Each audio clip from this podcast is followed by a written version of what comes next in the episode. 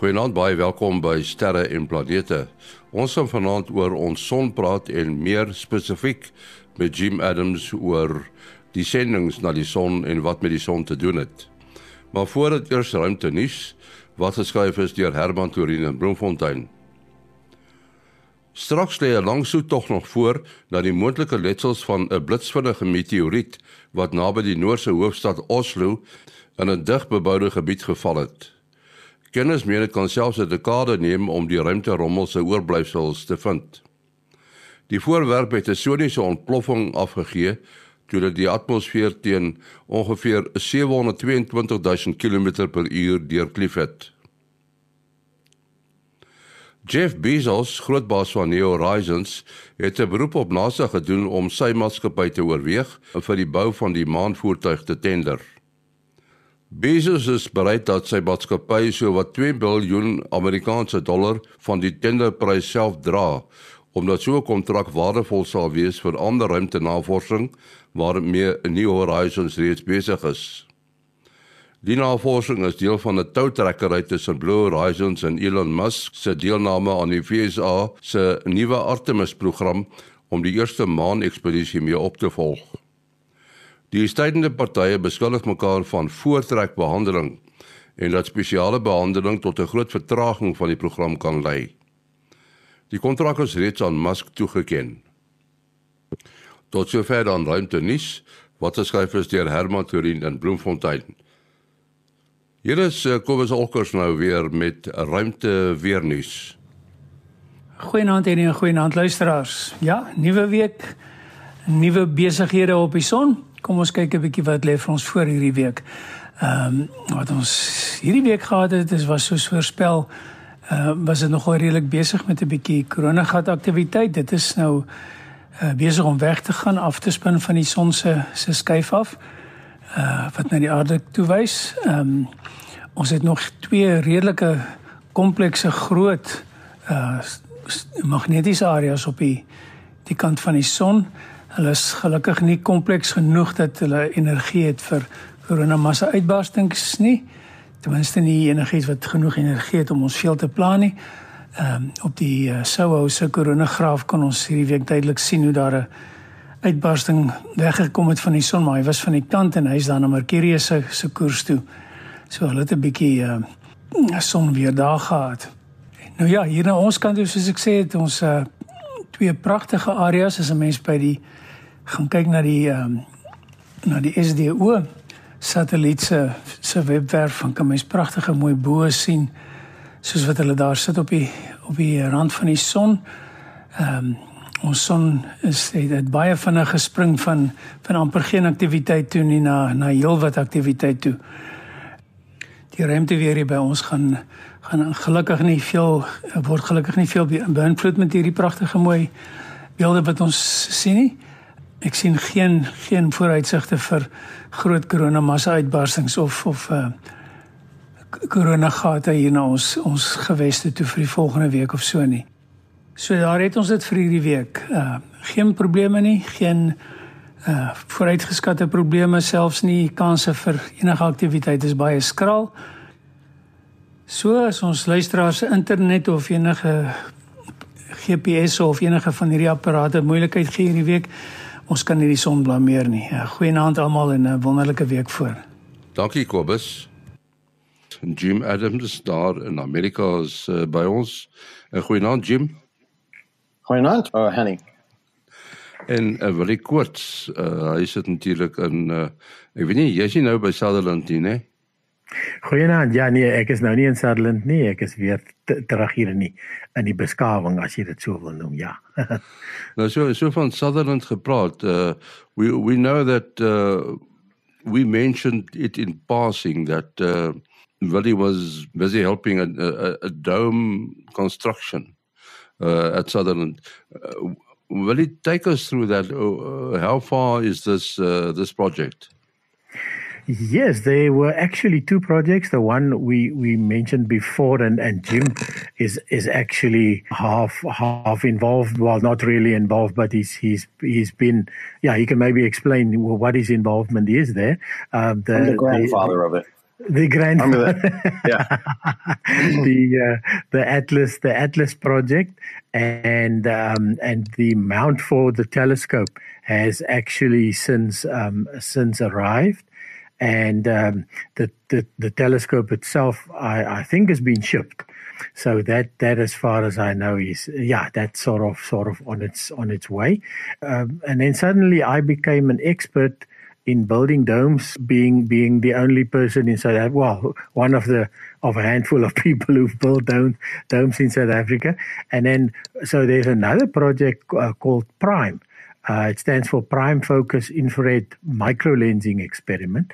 Um, quite a big telescope, um, 1.8 meter, and and fast in in in in optical terms, f 2.2 and and it's got it's got a, a, field of view of about three degrees, which is massive for for a, a, telescope of, of that size. It'll it'll work mainly in the infrared, and it'll it'll also sport an infrared spectrograph, which which you don't find on on many uh, uh, telescopes around around the world. So so so there has been a, a telescope there for about uh, 20 years called the IRSF, uh, run by the Japanese infrared uh, survey facility, and um, and this is sort of the the the upgrade to it in in in, in one instance, um, and interestingly enough as well is that the WFIRST infrared uh, space telescope that's due, due, to be launched. Well, it's now it's now re- renamed to the uh, in in honor of Nancy Roman. There will be a lot of collaboration between between these these projects because they will be be uh, supplementing and complementing each each other. Yeah. So so this this has been they started building this in in in fact at the same time we started the prime uh, uh, the uh, Atlas Dome actually, and uh, on my video on YouTube you can actually see in the background you can see the, the crane busy working and what what. Anyway, so the, the, the then there was a shortage of steel in South Africa in in the beginning of this year, um, and the, the, the telescope was delayed slightly, uh, waiting for for steel, and then they got to a point where they had to install things like the electrical stuff and so forth that that uh, and the dome was still open. It was it needed the actual dome to be put on top of it. So then i got involved and uh, and i got a firm who built telescopes in sutherland about 10 years ago um, uh, constructed these prefabricated uh, uh, domes for, uh, that that comes all the way from America. In fact, the dome arrived on site the day that lockdown started back in the oh. back in, in the BC years, you know, before COVID years. So then we constructed the the domes the the dome in about um, about two weeks, and uh, then we needed a big crane to put it on a 40 ton crane. Uh, the dome itself only weighs about four tons, but the reason for the 40 ton is because you have to have the reach to get it open to get it up and on top of the building. And that was that was completed about a, a month ago now. And and and and now the construction is is is busy um, is is continuing again. The telescope is actually on site already. On the videos you'll see some crates in the veld um, and there are crates under under roof as well. So the, the, the telescope and the equipment built by Nishimura in, in Japan has, has already been shipped and, and awaiting now the building to be finished. Fantastic. I, I saw the videos. Uh, I believe you posted links to the RSG um, Facebook group. Yes. Um, yeah, this, that's a very, very big dome. So it it is quite big. It's quite yeah. It's yeah. Uh, it's it's what's it? Um, uh, forgot the the size, but it's basically ten meters in diameter. Basically, yeah, it's massive. Wow, huge. Right so. from from the one dome, let's move to another dome. Actually, it's not a dome; it's a sphere. We call it the sun. Um, we've yeah. often spoken about solar storms in this program, uh, and you were, uh, Jim, involved with quite a number of uh, uh so called solar missions. Uh, before you talk about the missions, uh, tell us about what exactly is, in your mind, a solar storm. Oh, yeah. So, in, in fact, the the sun is not a, just a, a single solitary static yellow disk. It, it's uh, this ball of plasma that's rotating, and the equator and the poles of this ball of plasma rotate at different speeds. And so, when you have charged particles moving, you create a current. Currents create magnetic fields. What happens is these magnetic fields they want to align. They want to stay, you know, straight together. And um, what happens because of the rotation of the sun, the differential rotation of the sun, these magnetic fields get all tangled up. And eventually, what happens is the surface of the sun can't stand it anymore, and it releases big chunks of the sun's corona. And they call those coronal mass ejections. And a coronal mass ejection then goes hurtling out into space at something on the order of a million miles an hour. So it takes a few days actually to get out to the Earth's orbit.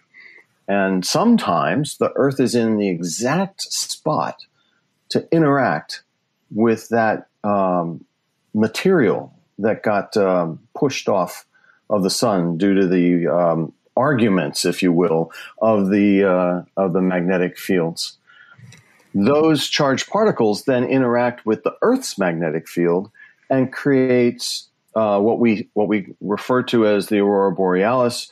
Um, uh, it also can um, create ground currents and uh, interfere with uh, electrical grid disruptions as well as communications, and um, in some extreme cases, create um, radiation doses that are higher than normal for the International Space Station and um, high flying aircraft and that sort of thing. So, uh, a few years ago, well, actually 20 years ago or so, there was this discipline that developed that has now become an international research area called space weather. And space weather is all about um, trying to predict the impact of the solar dynamics on the earth and how that, you know, how we can warn people um, in the event that there might be some sort of uh, upcoming problem. And in fact, on July 23rd, they noted that there was a minor coronal mass ejection that happened and it was coming, was on a path to intersect with the Earth and, um, and get caught up in our magnetic field. So there was an alert sent out and people got ready and pretty much nothing happened. It was just a passing storm. It wasn't a real big one but uh, but we are ready. And I, I, guess I should say one of the uh, important Southern Hemisphere research centers for solar physics and uh, space weather is actually in South Africa in Hermanus, um, hosted by the um, uh, SANSA facility there. Right now, now we know a lot about solar solar storms, yeah. the solar missions. Uh, I think the latest one was uh, or is the the Parker mission, isn't it?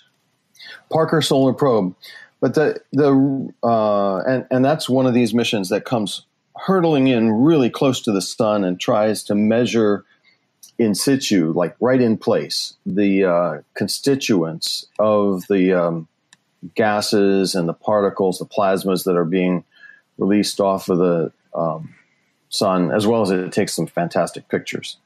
So, so there's that. But there's a whole host of international satellites and, and probes that have been put up that are collaborating to collect data um, for this. And one of my first missions was called the Upper Atmospheric Research Spacecraft, UARS, back in the early 80s. And it was launched. One of the things it did was it measured the solar proton input uh, along the um, magnetic field lines um, to begin to understand how the, those particles might cause spacecraft to uh, charge up and and and then maybe discharge and create sort of a static electricity problem as well as there's physics that goes on in the atmosphere as a result.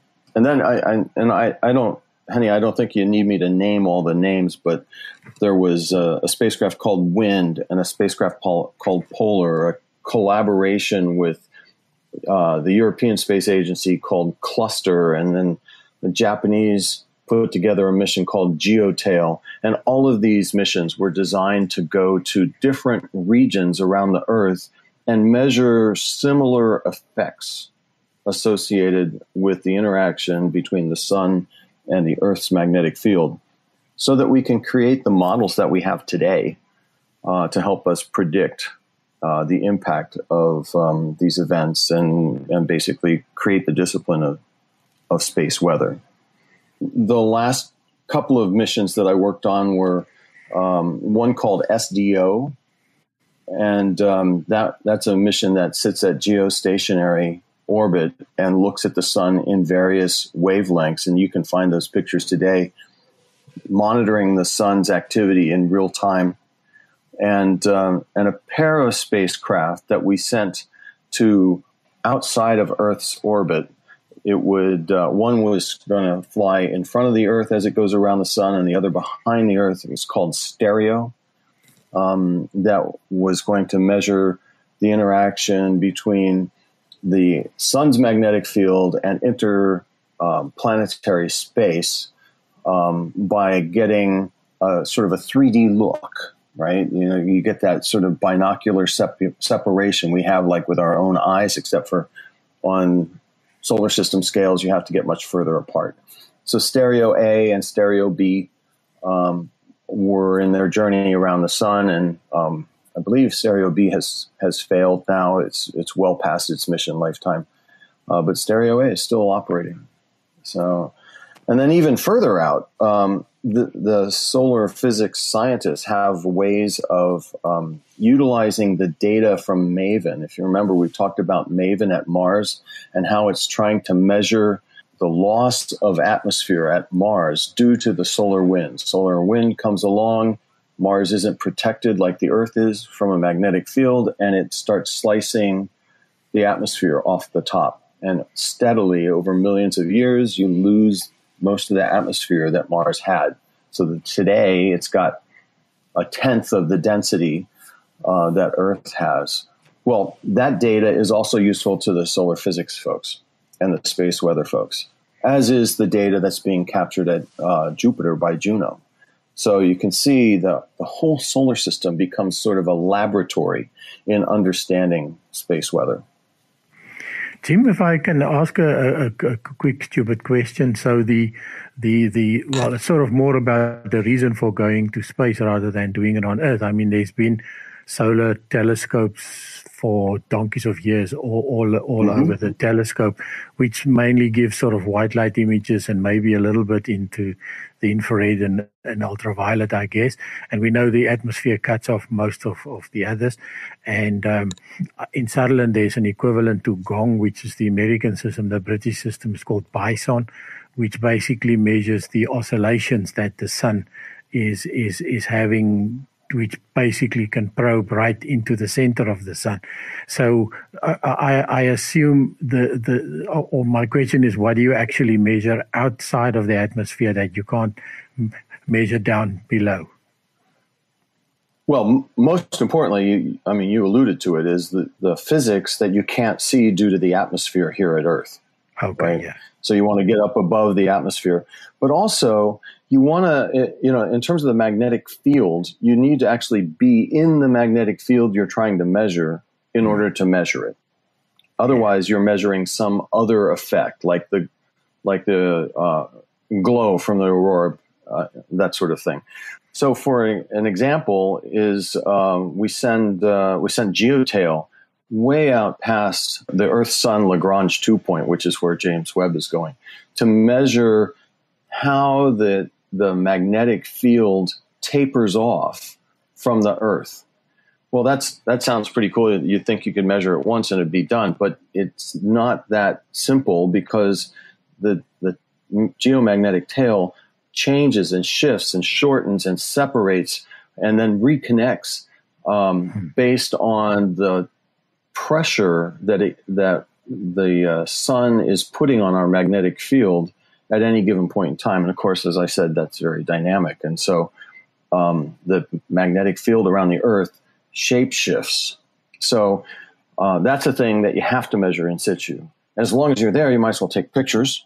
And so, in order to get some reference to what you're seeing on the ground, you also take infrared so you can relate that picture to what uh, maybe you're seeing in Sutherland, as well as, as you mentioned, ultraviolet is very useful as well. And um, there's something to be said for having a spacecraft parked in space so that it can look at the sun at all you know all the time instead of having to wait for nighttime to come around and the dome to open and that sort of thing.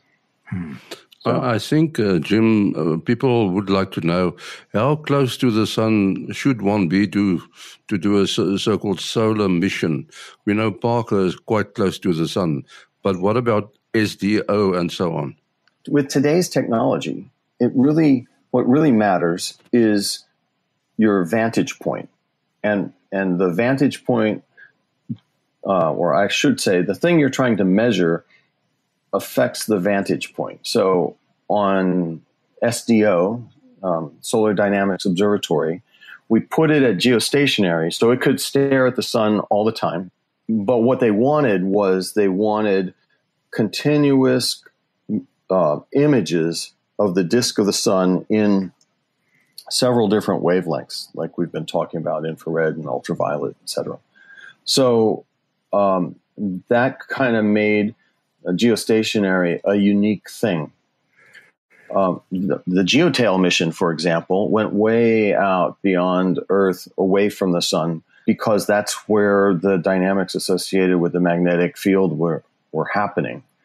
Parker Solar Probe um, wanted to understand the source of all of these coronal mass ejections, uh, solar flares, and the dynamics going on in the corona itself. And and so for that, they felt they needed to get up real close. And so you know we we we've built missions that are analyzing the sun, as I mentioned, all the way from uh, right up next to it, like um, like Solar Parker Probe, as well as as far out as uh, Juno at Jupiter. So it, what really matters, I guess, to double back is the vantage point is dictated by the thing you're trying to measure.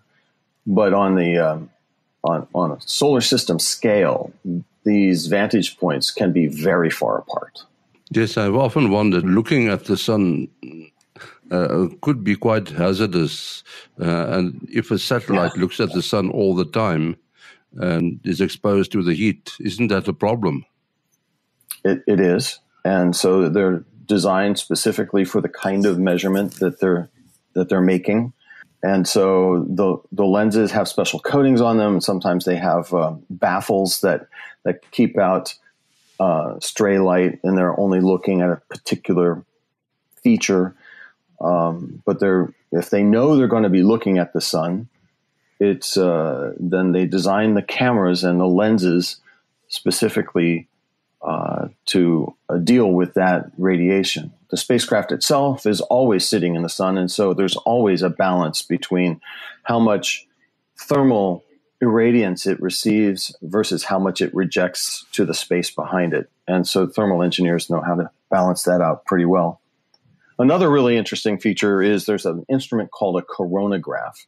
And I believe you guys might have some coronagraphs at, at Sutherland as well, mm, really. Yes. Yeah, um, we do this on, we, on, on stars. Yeah.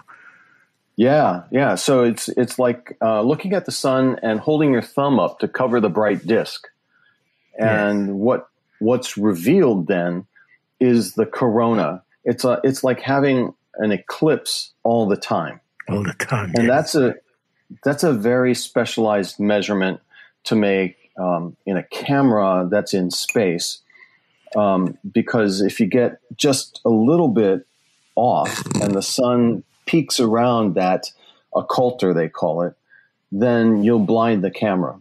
Mm. So we, we, have to be very careful about the attitude control system and the size of the occulter disk and um, and constantly monitoring that. And some of the coronagraphs that we've built are so sensitive that if it gets off and the sun becomes too bright, it automatically closes a shutter mm-hmm. so that uh, it protects the rest of the instrument. Right, we have to stop there. Jim, mm. uh, you're available on the Facebook group. I love answering questions on the Facebook group. It's great. Right, Willie, jy besonderhede? Ja, telefoonnommer 0724579 208 En dan die e-posadres van die program is sterreplanete@gmail.com. sterreplanete@gmail.com. Volgende week is ons terug. Tot dan. Alles van die beste.